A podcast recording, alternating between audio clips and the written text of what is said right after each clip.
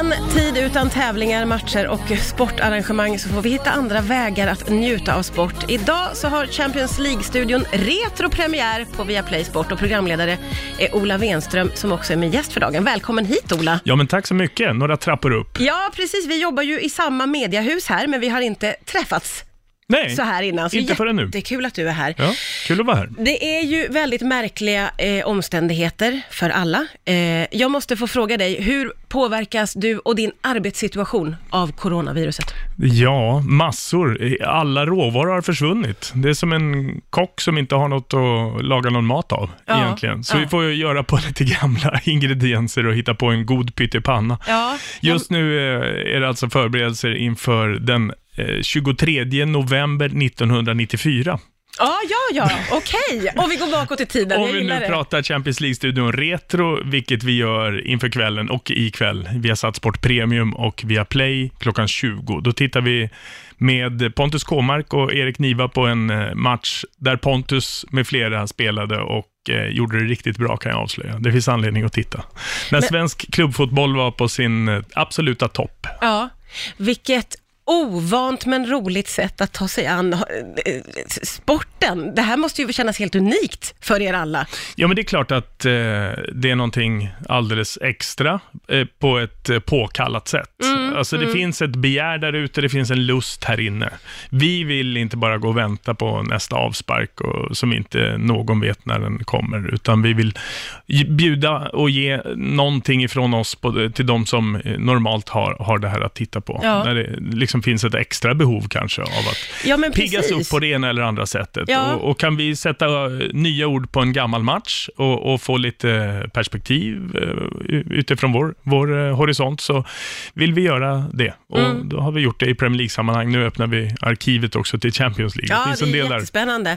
Det är ju så att sport är underhållning, men det är väldigt viktigt för väldigt många. Vad har du fått för reaktioner från tittare och fans och så vidare? Ja, men det är ju just som jag säger, att det finns eh, ett begär, det, det är efterlängtat, det finns en allmän törst, tror jag, utifrån eh, ett historiskt perspektiv och att se hur det var och att eh, ge referenser till det vi ser idag. Jag tror att det är bra för oss alla att eh, bara åka bort, inte just nu då, men att åka bort en stund och komma hem och, och inse vad man har och hur det såg ut eh, där på något annat ställe. Och på samma sätt så är det här en resa i tiden när det gäller fotbollsmatcher. Inte bara hur stora tröjorna var och hur spelsättet var, utan hur tiden runt omkring de här matcherna var. Eh, och det går att berätta ganska mycket om det och tänka till på Ja. och, och eh, ge en hel del nya infallsvinklar när vi vet hur det gick Ja. 25 år senare. Ja, ja, verkligen. och- Väldigt spännande grepp. Du och jag har ju pratats vid tidigare eh, om eh, den ekonomiska sidan. Mm, väldigt eh, starkt förknippade, inte minst med fotbollen. Ja, men eller hur? Och, och det är ju så att eh, det handlar ju om otroligt mycket pengar. Eh, hur, hur ser du framtiden för exempelvis fotbollen? Att väldigt mycket står på spel utifrån eh, läget i, i världen eh, och eh, de eh, pengar som finns i rullning sedan tidigare, de kontrakt som gäller och de beslut som nu ska tas. Uefa, alltså europeiska fotbollen, de som står för turneringar med landslag och Champions League till exempel, sitter i möte idag mm för att försöka bestämma om någonting som ingen vet. Ja, okej, du vågar inte Ska vi, säga... nej, ska vi spela eller inte spela så småningom? Ska vi försöka slutföra säsongen eller eh, kommer det till och med ett drastiskt beslut om att nej, vi slopar den här säsongen eller inte? Det är någonstans där Ja. de befinner sig.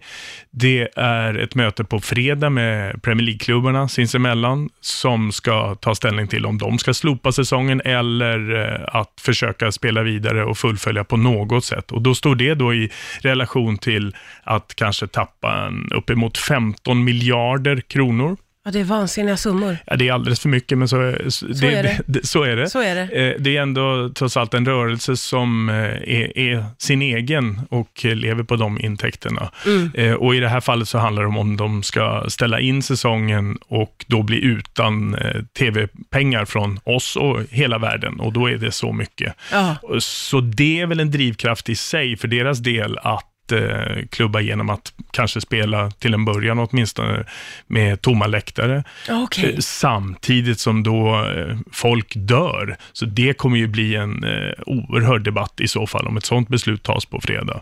Att spela vidare i ett England där det är, är, ett hårt, svårt läge som Ja. vi alla läser om. Ja, det är ju en otroligt svår balansgång med allting, känns det ju naturligtvis som. Jag tänker också jättemycket på alla som utövar de här sporterna. Jag gissar att, som för många andra, men eh, vardagen har ju helt och hållet förändrats. Jag tycker ändå att eh, just eh, sportmänniskor som är väldigt fokuserade i vanliga fall och, och tycks ibland bara ha en boll eller en puck eller vad det nu är framför ögonen och inte se samhället i övrigt, väldigt kvickt har anpassat sig till att okej, läget är som det är, eh, vi fattar det och vad är viktigt och vad är viktigt? Nej, vi håller bara på med sport. Och därmed så får vi rätta in oss och det blir inget OS. Nej, vi får ta det en annan gång när det passar. Det är svåra eh, omställningar, men ganska lätta beslut. Ja. Och jag tycker att väldigt många har varit eh, nyktra i det och, och uttalat sig på det sättet också. Ja, ja, men verkligen. Vad eh, hoppas du skicka med tittarna ikväll? En eh, känsla av att eh, jo då, vi kommer tillbaka. Eh, även om vi inte ska sling, eh, slungas så, långt som ett kvarts sekel när det väl blir dags, utan det, det, det kommer tillbaka på något sätt. Och, och jag hoppas också att det ska kunna bidra till en, en god känsla, en eftertanke om att vi ska vara väldigt glada över det som vi till vardags har, som vi tar för givet. Ja. Eh, och känna den känslan. Eh, det är väl bra att ta med sig. Så kan man väl glömma allt för en stund också.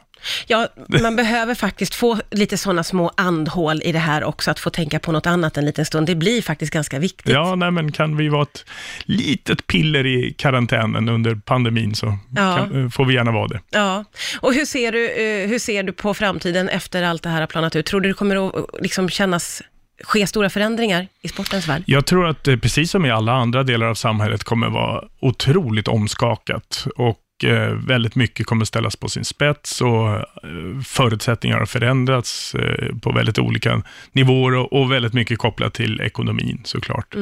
Eh, Men också utifrån det jag var inne på, eh, en känsla av att eh, vi inte kan ta saker och, och ting helt eh, för givet, utan att vi måste värdera det och uppskatta det som eh, bara ses i vår värld då, som en match i mängden. Alltså vi ska vara glada över att den finns där. Eh, och eh, att samlas kring och att den verkligen betyder något. Precis som att idrotta själv och att ses på läktaren och att man träffar några där som man inte annars ser och, och så vidare. Och så vidare.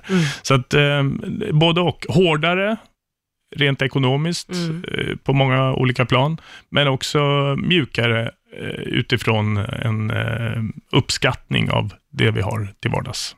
För vardagen kommer väl tillbaka? Ja, det gör den ju.